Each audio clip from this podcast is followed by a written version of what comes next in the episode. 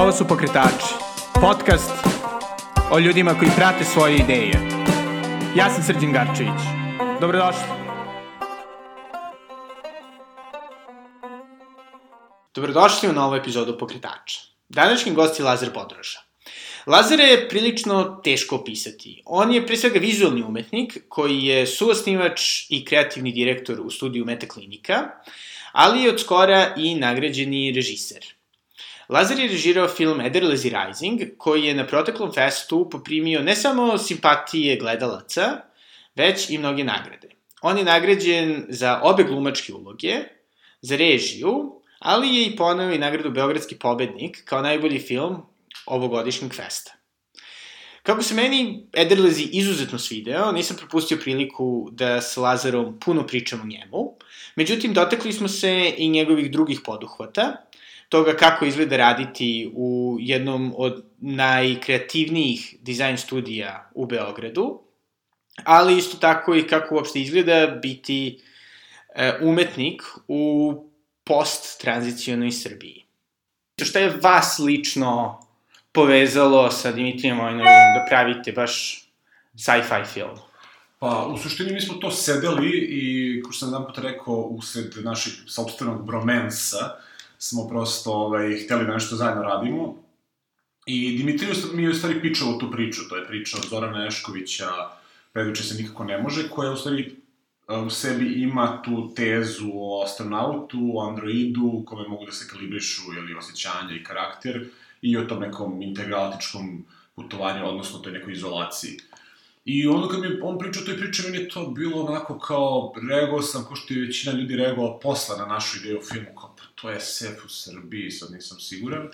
Ali nekako se ta priča zapatila i to mi je nekako sve to suludo, suludo delovalo, da na kraju, mogu da kažem da, su, da je in, inicijalna motivacija bila naravno sama ta ideja po sebi, ideja da bi radio zajedno s Dimitrijem i prosto ta neka vrsta inata da se napravi nešto što je nešto što nije napravljeno, što te nekako uvek, uvek motiviše. To su te neke, da kažem, bočne stvari koji su neretko jako, jako ključne za motivaciju. I, i iz dizajna ste odlučili da se odmah bacite baš u režiju. Pa da, ja sam u suštini uh, završio fakultet primjenjenih umetnosti, ocek ilustracija, uh, diplomirao sam na predmetu ilustracije i tipografija. Bavim se profesionalnim dizajnom i imam studiju koja se zove Metaklinika, u kojem se upravo nalazimo. I, uh, ali u kontekstu nekog, da kažem, autorskog rada ili umetničkog rada, koji je u izvesnoj meri vezan i za studiju, ali vezan i za neke potpuno moje radove, tu ima stvari koji su vezani za, da kažem, uh, ilustraciju i za slikarstvo u izvesnoj meri i za video formu, tako da je meni ovo jedan više vizualni rad na kome sam radio, da kažem da bi se kao u nekom autorskom smislu definisao kao vizualni umetnik, što je sad možda malo izlizano, ali, ali dosta tačno.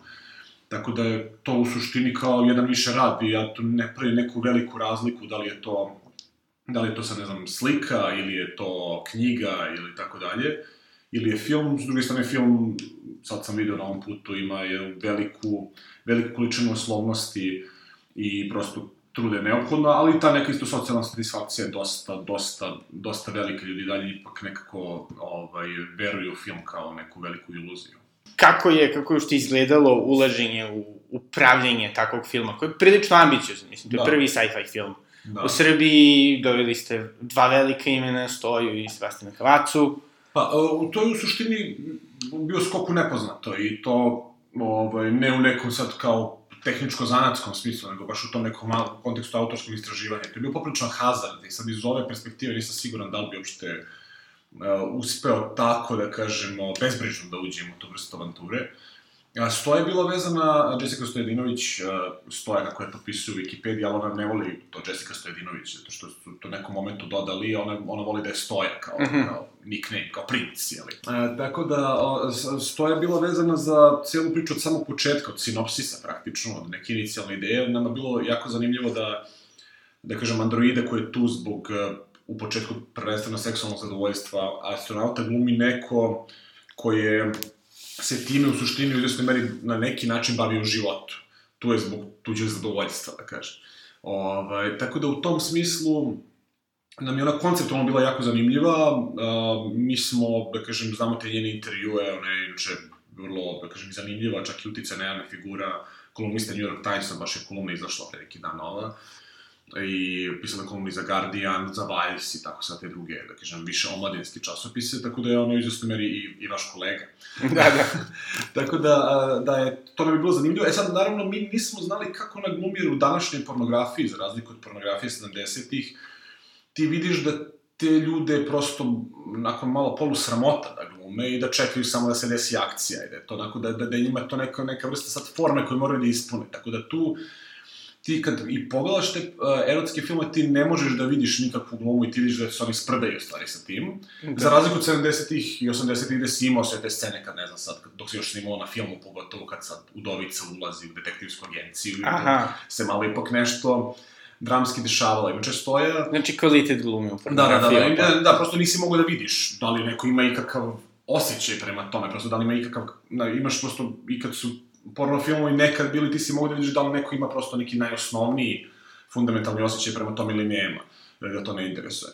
E sad, jako zanimljivo što je stoje bila vezana za tu produkciju Digital Playground, e, koja je praktično Disney pornografije, ajde da kažemo. To je kao njihova jako velika produkcija koja je radila te neke, da kažem, naj... Uh, najstraight moguće porno filmove koji meni po prirodi stvari ovaj, nikad nisu bili interesantni. I u tom smislu mi nismo znali koliko je ona, prosto mi smo videli da ona ima neku neviđenu energiju, ali koliko je ona dobra kao glumica. Onda kad smo dobili ta neka inicijalna sredstva, mi smo je pozvali da napravimo prosto sa njom uh, neku vrstu probnog snimanja i tu nas je stvarno oduševila s nekom intuitivnošću i nekako smo dobili od nje s jedne strane tu energiju naturščika i tu jednu prirodnost, a s druge strane smo dobili, ona ima jednu apsolutno svest o kameri i složit ćemo se izgled ozbiljne filmske zvezde. S druge strane, Sebastian Kavaca, to je potpuno druga priča, on je čovjek eh, vrsni slovenački glumac, velika regionalno ime, i od početka smo imali ideju da će to biti regionalni glumac, i Sebastian se tu nametnuo kao, kao dosta, dosta, dosta logično rešenje i na kraju smo jako zadovoljni kako su njih dvoje funkcionisali kao potpuni, da kažem, antipodi, on kao jedan, da kažem, da kažem, da kažem, reprezent vrhunskog maskuliniteta muškog i ona kao jedna potpuno androgena, ovaj, nežna ženska osoba. I znači vi sada radite sa ovo dvoje ljudi koji imaju prilično različit pristup prema, da kažem, Jasno, standardnoj da, da. glumi. Da, da, da. Ovo je vaš prvi Da. toliki film. Kako je vama bilo? Da ste bili u jednom trenutku, ok, ovo nema šanse. Pa ne, ne, ne, ni u jednom momentu mi to, mi- malo, gubio sam nadu f- vezano za film u procesu postprodukcije, jer smo tu isto kubrili sa budžetom, kako to uglavnom biva i sve to, tako da je tu bilo momenta gubljenja nada, ali sad taj odlazak do snimanja i samo snimanje je bilo vrlo, da kažem, nabijeno pozitivnom emocijom i mi smo imali sa, sa stojem, recimo, četiri probe, jedno probno snimanje, a, gde smo radili sa njom, tu mi je dosta pomogla moja supruga Nada Šarmin, koja je, jeli, je po mom mišljenju, od, od najvećih imena srpske glume u, u, njoj generaciji, da kažem. I, I ona je isto videla da, da, da tu stojima stvarno, da je odmah preuzela te neke savete, praktično po Stanislavskom, u smislu substitucija iz života, znači prosto na taj način da tumači ulogu. Tako da je ceo rad, da kažem, na tom dramskom aspektu bio dosta u jednom realističnom ključu, kako bi se prosto glumci osjećali smisleno i kako bi bili efektni u tome, a onda smo se mi tu prosto nadograđivali jeli, filmskom magijom, od toga pravili nešto, jedan nadrealniji utisak, ali njihov, da kažem, i rad na tome je bio dosta u tom realističnom ključu i mi smo imali jedan isto veliki luksus da smo osam dana pred snimanje imali probe. E, tako da smo praktično prolazili sve scene, tako da na snimanju sam negde praktično da kažem, DJ-sao već zatečenu situaciju, tako da nije bilo, da kažem, tako, tog vrste, te vrste, da kažem, kompleksnog dramskog istraživanja u kadru, ne, bilo relativno pripremljena materija, što je stvarno redkost i što je u izvestnoj meri i bizarno, s obzirom koliko je film skupa igračka, a da ne postoje probe. Ali termini su čudo, tako da... U našem razgovoru pre, pre nego što smo krenuli da snimamo, ste pomenuli kako zapravo postprodukcija je bila ono što je mi neko bilo naj... Pa postprodukcija jeste, pa da, prosto zato što smo tu uh, uh, se bavili i konstantnim fundraisingom s jedne strane u produkcijnom smislu, a s druge strane je to isto bio, vidio si same efekte i taj uh, postprodukcijni deo, on je isto dosta artistički i dosta je tu bilo prosto istraživanja, to je stvar koja od momenta kad nešto zamisliš do momenta kad možeš da vidiš preview ili finalno dosta duže traje nego na samom snimanju, kad ti samo nešto pada na pamet i kao to ti se desi i ti vidiš da li ti se sviđa ili ti se ne sviđa.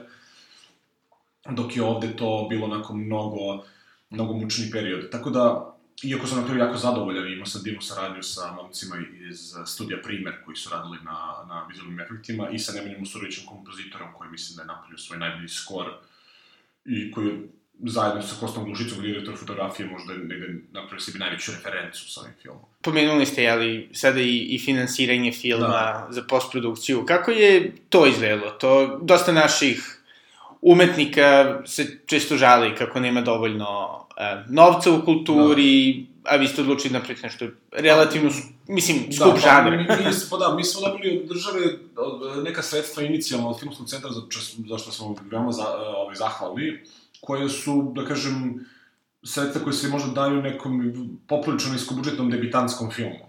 Mislim, to nije neka tajna, to je javna informacija, mislim da je to nešto oko 145.000, da, 145.000 eura, na primer, što je sve ukupno na kraju možda oko neka treći, 30 ili 35% ukupnog budžeta, ali to je inicijalno bilo jako bitno da nas prosto ljudi shvate ozbiljno.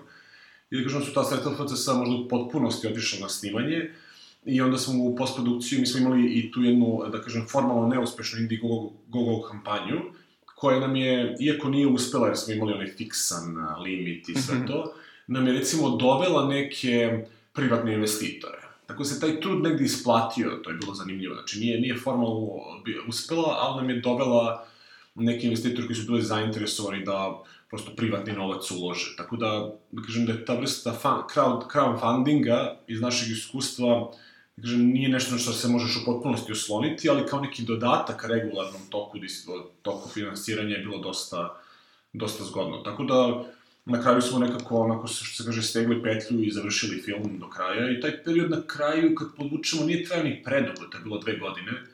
Mislim da smo možda mogli da, da smo imali sve novca ovog sveta, možda bi to uspeli da uradimo za godinu ili godinu, tri meseca sa ovom inteligencijom koju imamo prosto. Uh, ovaj, koje je takvo kakvo je. Tako da, da na kraju, s obzirom koliko je to u jednom momentu delovalo kao da se nikad neće završiti, to je bila faza kad smo prosto, da kažem, imali stalne te valunge u raspoloženju, a samo to vezano za snimanje, rad sa glumcima i cijela ta, da kažem, formalna produkcija, to je bilo, to je bilo super i to nam je jako pomogao direktor fotografije Kosta Glušice koji je kome je isto debitanski film, što je zanimljivo, ali koji je naših najiskusnijih direktora fotografije uh, u polju advertisinga i dosta, u smislu nam je dosta pomogao i u, kon, u nekim aspektima izvršne produkcije, da kažem, saveta vezano za šta, u šta bi trebalo da uložimo, u šta ne, tako da je on tu isto bio isto dosta bitan faktor za taj uh, utisak filma, produkcijni utisak filma. Sledeće pitanje mi bilo baš vezano za to što je veliki deo ekipe filma, kao što smo pomenuli u prethodnom razgovoru, e, zapravo dolazi iz polja, ne znam, advertisinga, malo da kažem, komercijalnije korišćenje vizualne umetnosti. Pa da, ovo je da, mislim, mi svi potičemo da kažem da smo nek, neka vrsta robova tržišta i da smo iz tog, te, tog polja advertisinga, da se bavimo nekim, da kažem, ja, ja konkretno dosta rubnim oblast, e, ovaj, oblastima advertisingu, što je design, branding i tako, tako, tako te stvari, dok, neki, dok se drugi saradnici bave baš onako vrlo izvršnim stvarima advertisingu u smislu reklamama, naj, najveći broj saradnika. Tako da je to, ko što je i, i naš producent Aleksandar Protić rekao da je u, to, u tom smislu generacijski film, jer smo nekako, da kažem, mi svi koji ne robujemo, robujemo advertisingu i koji se neretko žalimo na, na smisao svega toga, smo eto sad kao stvarno uzeli i uradili, uradili nešto što jeste znatno kreativnija stvar i što se bez sumnje može nazvati autorskim radom. Obaška sad od toga da li ćemo to definisati kao umetnost ili ne, što je uvek malo kompleksno, ali definitivno to je bio naš autorski rad gde su, mislim, svi stvarno učesnici na projektu dosta pažljivo odabrani i da su stvarno imali veliku slobodu da se izraze, jer je film prosto dosta minimalan, ima malo karaktera i, da kažem, dosta smo ga punili raznoraznim e, zvučnim i vizualnim sadržajima da bi imao tu, taj volumen filma. Na Q&A-u zapravo, e, koji me je i podstakao na, na ovaj dodatno razmišljanje, ajde realizuju i upoznao sa vašim da. radom još više, Ove, ovaj, se baš osetila određena doza neke pozitivne energije i kao zadovoljstva što svi rade na filmu. Nekako. Pa to jeste, mislim, tu je bila jedna porodična atmosfera, sad naravno, gde porodica, tu i patologija, gde porodica, tu su i sve radosti, ali porodičnog života. Tako da jeste, ne naravno, mislim, ovo je, jeste stvarno postignuće i u tom smislu to nam interno, interno znači. Mislim, mi smo svi dosta, da kažem, na svakom nivou zauzeti ljudi i u izvesnoj meri umorni, tako da nekako nismo stigli da, da, da, da nekako uspeh slavimo u pravom smislu te reči, ali da kažem, onda kad nekako da kažem, ne utopiš ta, to zadovoljstvo u velike količine alkohola i provoda, mm -hmm. ono duže ti nekako ostane u organizmu, tako da, tako da, tako da nas su ono odmah posle premijere ili dodala nagrada dočekali dočekali, ovaj, da kažem, radni zadaci, na primjer, Aleksandar Protić je dan posle dodala nagrada, koji inače uh, sound designer po profesiji, uh, dizajner zvuka, naš najbolji je radio zadnju epizodu serije Ubica mog oca, na primjer. Od 6 ujutru do 6 popodne je, da kažem, ono, završalo to. Tako da, u smislu, svi smo, svi smo prosto na tržištu i time se bavimo, ovo je, da kažem, bio jedan naš iskorak koji mislim da je sve, sve učesnike dosta motivisao. Da. A baš me interesuje, pošto naravno ovaj, uvek postoji ta, ta diskusija, ono, sta, život umetnika u post-industrijskom da, svetu, da, da, kapitalizmu, da, da, pogotovo da. tranziciji.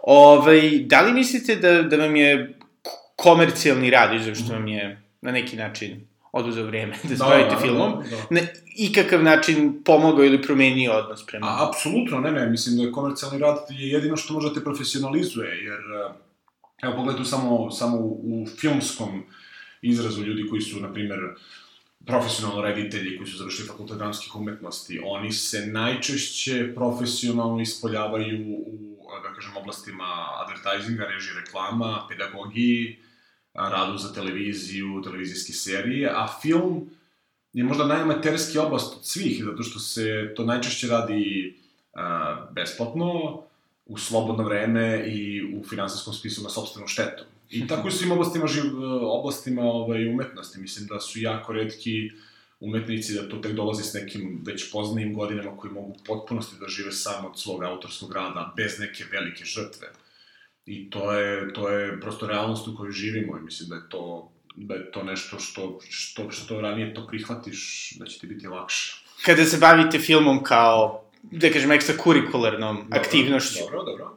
Mislim, kako, kako ušte balansirate? Znači, s jedne strane imate vrlo jasno, ok, vi ste osnivač metaklinike, da, imate odgovornost, ko osnivač, imate odgovornost prema ovom studiju i onda ste verovatno mrtvi umorni od toga i onda kao, ajde sada ću da... Pa ne, to je, meni to sve u, u jednom, da kažem, melanž svega je od jedan put. Mislim da to samo utiče na taj, da taj radni dan ne bude 8 sati, nego da bude 12 ili 13 sati, ali koji, mislim, film na kraju koji jeste, da kažem, ajde kažemo, dodatna aktivnost u mom, u mom slučaju i da kažem, neka vrsta istraživanja, je i koji svaka druga stvar to se isto pomeriš sa tim da je to 5% nešto jako zanimljivo i uzbudljivo što ti stimuliše, 95% čist manuelni rad ove ili one vrste.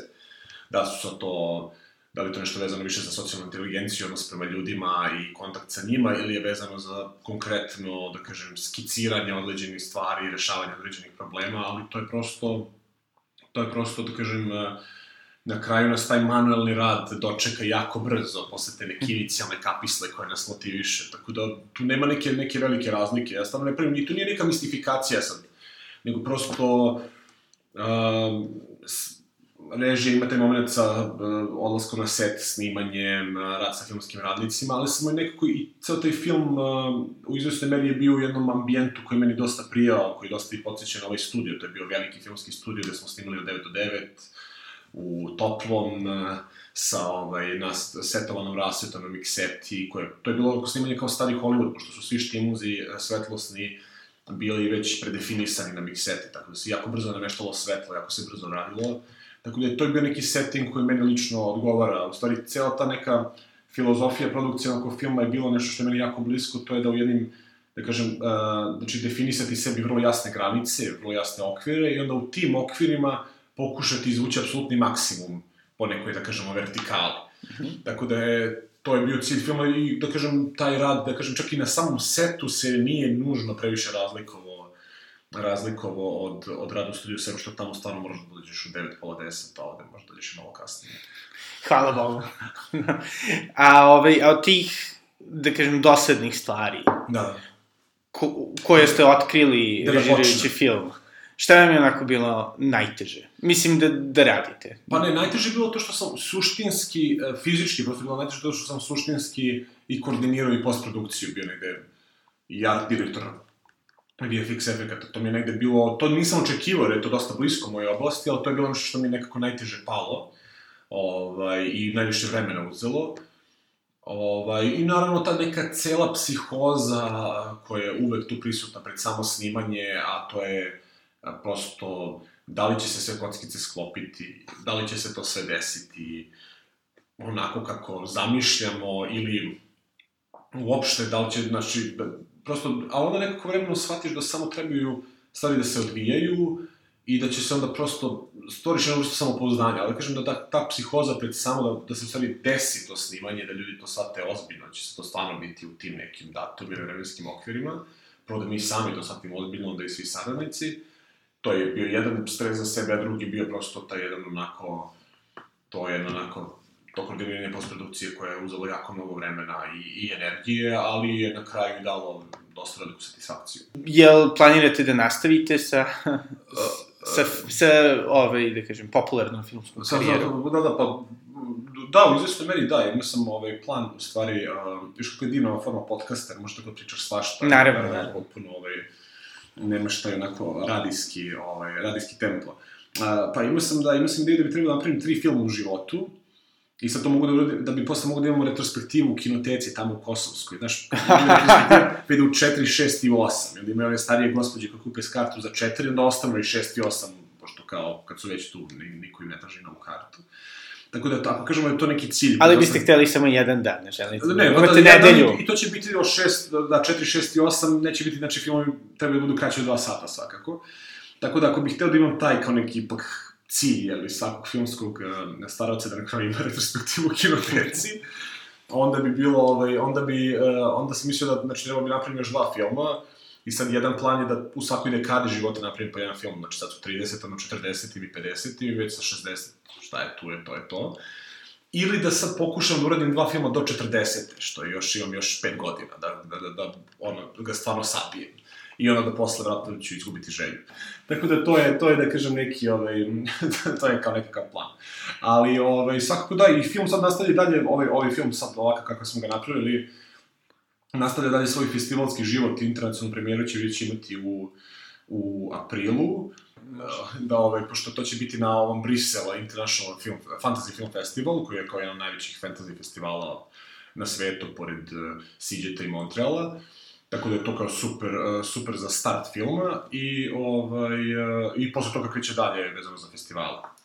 Da, a, a sem, sem i festivalskog života mi imamo, da kažem, uh, ugovor sa Arclightom, to je um, sales kuća iz Los Angelesa koja zastupa film za sve teritorije na svetu i sad upravo dogovaramo američku distribuciju kako bi onda od nje krenuo i ostatak sveta i nadam se čim pre i distribucija u Srbiji i bivšoj Jugoslaviji koja nas ako ipak posebno uzbuđuje. Da li imate ambicije da se još proširite i van vizualnih medija, ne znam, da krenete, da bavite muzikom ili nekim... Ne, muzika sigurno ne, tu sam uh, poprilično antitalentovan, e, imao sam iskustvo, ovaj, kad sam imao ovaj, 8 godina, sam išao u muzičku školu, i moj brat e, išao, krenuo u muzičku školu, koji, za to imaju definitivno isto talenta, i onda sam ja krenuo zajedno s njim kao mlađi brat, i ovaj, tu sam, e, završio sam prvu godinu e, violine, imao sam dva iz violine, ja mislim da to dvojku iz violine, da je to nemoguće dobiti, ja mislim da kad, kad imaš 8 godina, mislim da to deci daju kad su kao talentovani daju im 5, a kad su kao netalentovani daju im 4, ili eventualno 3. Mislim da dva dobiješ kad onako stvarno hoće da ti poruče da to ipak ne bi trebao ovaj, da se time baviš, tako da od muzike nema ništa, ovaj, možda u nekoj, možda u nekoj, da kažem, malo uh, smirenijem uh, fazi života se budem bavio nečim, ne, nekom vrstom pisanja, to, to me u izvestnoj meri privlači, ali mislim da je to možda najdalje što bi, što bi mogo da odem uh, van ovih vizualnih oblasti da se ipak osjećam dosta, dosta lagodno. Naravno, naravno. I ovaj, sa pravom bili ste zapravo šta, top 30 under 30 u print magazinu. Da, top 20 under 30 u print magazin. Da, Aha. to, to, to, to, da, da, znači, dobro, znači, nije 20, nije 30 nego 20, ali sve jedno. To je bilo dosta lepo priznanje, zato što print magazin, u stvari svake godine ima to, to priznanje i onda ima neku vrstu, svake godine ima neku vrstu fokusa. Ovaj, ovog puta su to bili fokusi, da kažem, ljudi van Amerike, na primjer, ili van, van svetskih centara, da kažem. To je bila 2011. godina i to je bilo dosta kao lepo priznanje koje je tako palo s neba, ne, ne znam ni kako do, toga došlo, ali ovaj, to je to je onako lepa stvar koja možeš da staviš ovaj, da staviš u CV. Da. Pošto, jeli, ovde već imamo nekoga ko je, ko je u tome ekspert, da, da se iskoristim i pitanje za to. Pošto sada je, jeli, dizajn onako veoma popularan, vizuelni, onako, zahvaljujući Instagramu i sve, svako ja, misle nešto može da, da pravi. E, što biste rekli da je najgora stvar vezana za, za grafički dizajn? U kom smislu najgora? Najgora kao... Šta je vama nekako naj... Šta, šta vas najviše sprečava da, da uđete u vašu kancelariju sa osmehom? A pa ne, pa dobro, nema, nema tu mnogo stvari. Mislim da kod, kod grafičkog dizajna prosto ako ti prebrodiš taj moment da je grafički dizajn uvek nešto što se pravi za nekog drugog, ili za jel, tuđe zadovoljstvo, slično kao stoje isto. ovaj, kao i sve što radi. Kao sve, tako da mislim, ako ti to prebrodiš da je to prosto nešto što ti ne radiš, ako, da kažem, taj problem ega preskočiš, da je to nešto što ipak služi nečemu, ti nemaš onda problem. Onda sve ostalo se svodi bukvalno samo na, na, na, na direktan kontakt sa ljudima i to kakvi su oni sami po sebi na kraju klijenti, da kažem, s kojima se radiš. Nekad imaš neke projekte koji su ništa specijalno, ali proces nekako divan, fino si plaćen i budeš nekako zadovoljan i taj projekat ti ostane nekako u divnom sećanju, a nekad imaš projekte koji su vrlo referentni, a budu vrlo komplikovani da se izvedu i nekad na, na, čak i mučni.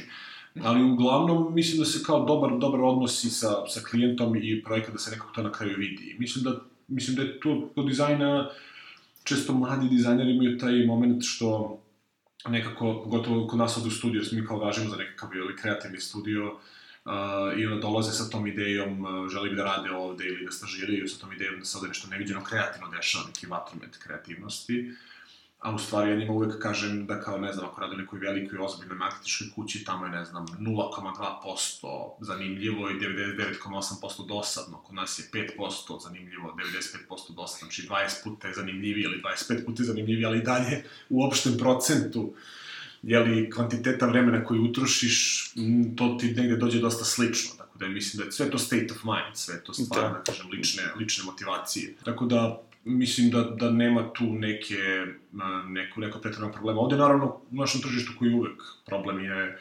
prosto mala količina novca i mislim da čak i nije toliko neka problem te neke vizualne pismenosti. Mislim da ljudi ali imaju, mene čak nekad začudi koliko ljudi imaju potrebu za vizualnim i za dizajnom s obzirom na s obzirom na to koliko je ovo tržište siromašno. Mislim, meni nekad to stvarno, stvarno me začudi kako prosto ne, ne, ne, ne uzmu neke template i to nekako ne urade sami kad već toliko nema budžeta i toga, nego uvijek se, postoji ta potreba za, za, za, da kažem, to je tim pakovanjem i mislim da prosto je to i stvar male sredine, da mi želimo prosto da imamo tu oblandu i da imamo tu fasadu koja je što lepša sa šta iznutra. Šta nekako vas najviše ispunjava u tom kreativnom procesu? To je, to, to je najčešće, najčešće ta inicijalna kapisla i finalni proizvod, da kažem. E sad, ovo sve između zavisi od projekta, zavisi od vrste projekta, zavisi od toga koliko je on... Ima projekata koji te nekako zadovoljavaju svo vreme, jer se nekako brzo stvari dešavaju, dešavaju se brzo rešenja. Ima negde da je prosto sebi tako zadaš jedan okvir da, da je svaki korak težak i sve mora da bude vrlo promišljeno, tako da to zavisi od projekta do projekta. Ali ta inicijalna kapisla, koja je nešto vrlo intuitivno, čak detinja, onako, da neko zadovoljstvo, nekom, nekom lucidnošću, i posle na kraju sam ono, finalni proizvod mm. koji nekako, eto, možeš da, možeš da gledaš po ceo dan. Jel vi sebi smatrate ono, perfekcionistom? Ne, teško, teško da bi to mogo za sebe da kažem. Mislim da nisam sad ni aljka, nego mislim da postoje prosto ljudi koji su, koji su mnogo disciplinovaniji i precizniji, mislim da ja kao da kažem sam prosto natero sebe da usvojim neke da kažem zanatske okvire i da se u izvestnoj meri disciplinujem, ali da i dalje funkcionišem po vrlo intuitivnom ključu.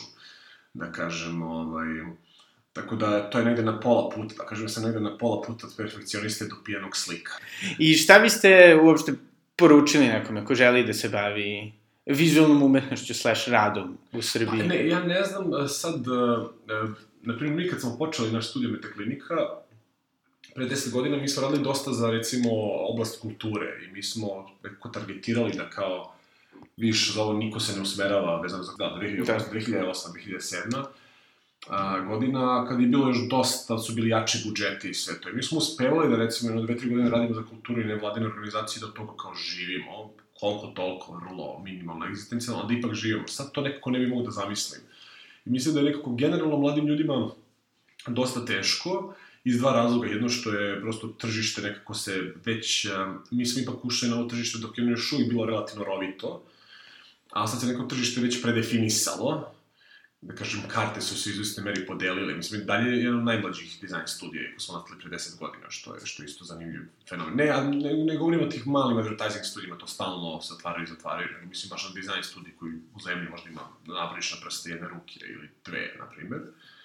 Mislim da je jedan najmlađih, a s druge strane, što mislim da um, ovaj, mladim ljudima dosta težava stvar, to je to, ta dostupnost informacija odnosno nedostatak izolacije, koji je negde ključno za stvaranje neke lične poetike. I meni je, da kažem, ta, da kažem, taj nedostatak informacija koji je bio ključan u mom, da kažem, u formativnom periodu, jeli, i u tom periodu, da kažem, školovanja, na akademiji bio što mi nekako smo dosta teže dolazili do informacije. Sad je sve nekako dostupno, što može biti jako demotivišuće. Kad ti kreneš nešto da radiš i pogledaš, e da vidim da li tako nešto postoji, onda vidiš da je već sve smišljeno, napravljeno i da izgleda šest puta bolje nego što bi ti to mogo trenutno da uradiš i mislim da to može jako da te spusti. I ja mislim da je u stvari neka vrsta autoizolacije ključna da bi prosto ljudi imali a, a, vreme da stvore neke stvari i da stvore neke lične poetike. Mislim da će ta vrsta, da kažem, određene vrste digitalnog posta kaže, biti ključna za mlade ljude i mislim da će to sigurno biti trend u nekoj budućnosti. I to je bio Lazar Podroža. Nas da se ovaj podcast video. Ako jeste, molim vas podelite ga sa nekim za koga mislite da bi im se svideo. Do sledećeg slušanja, doviđenja.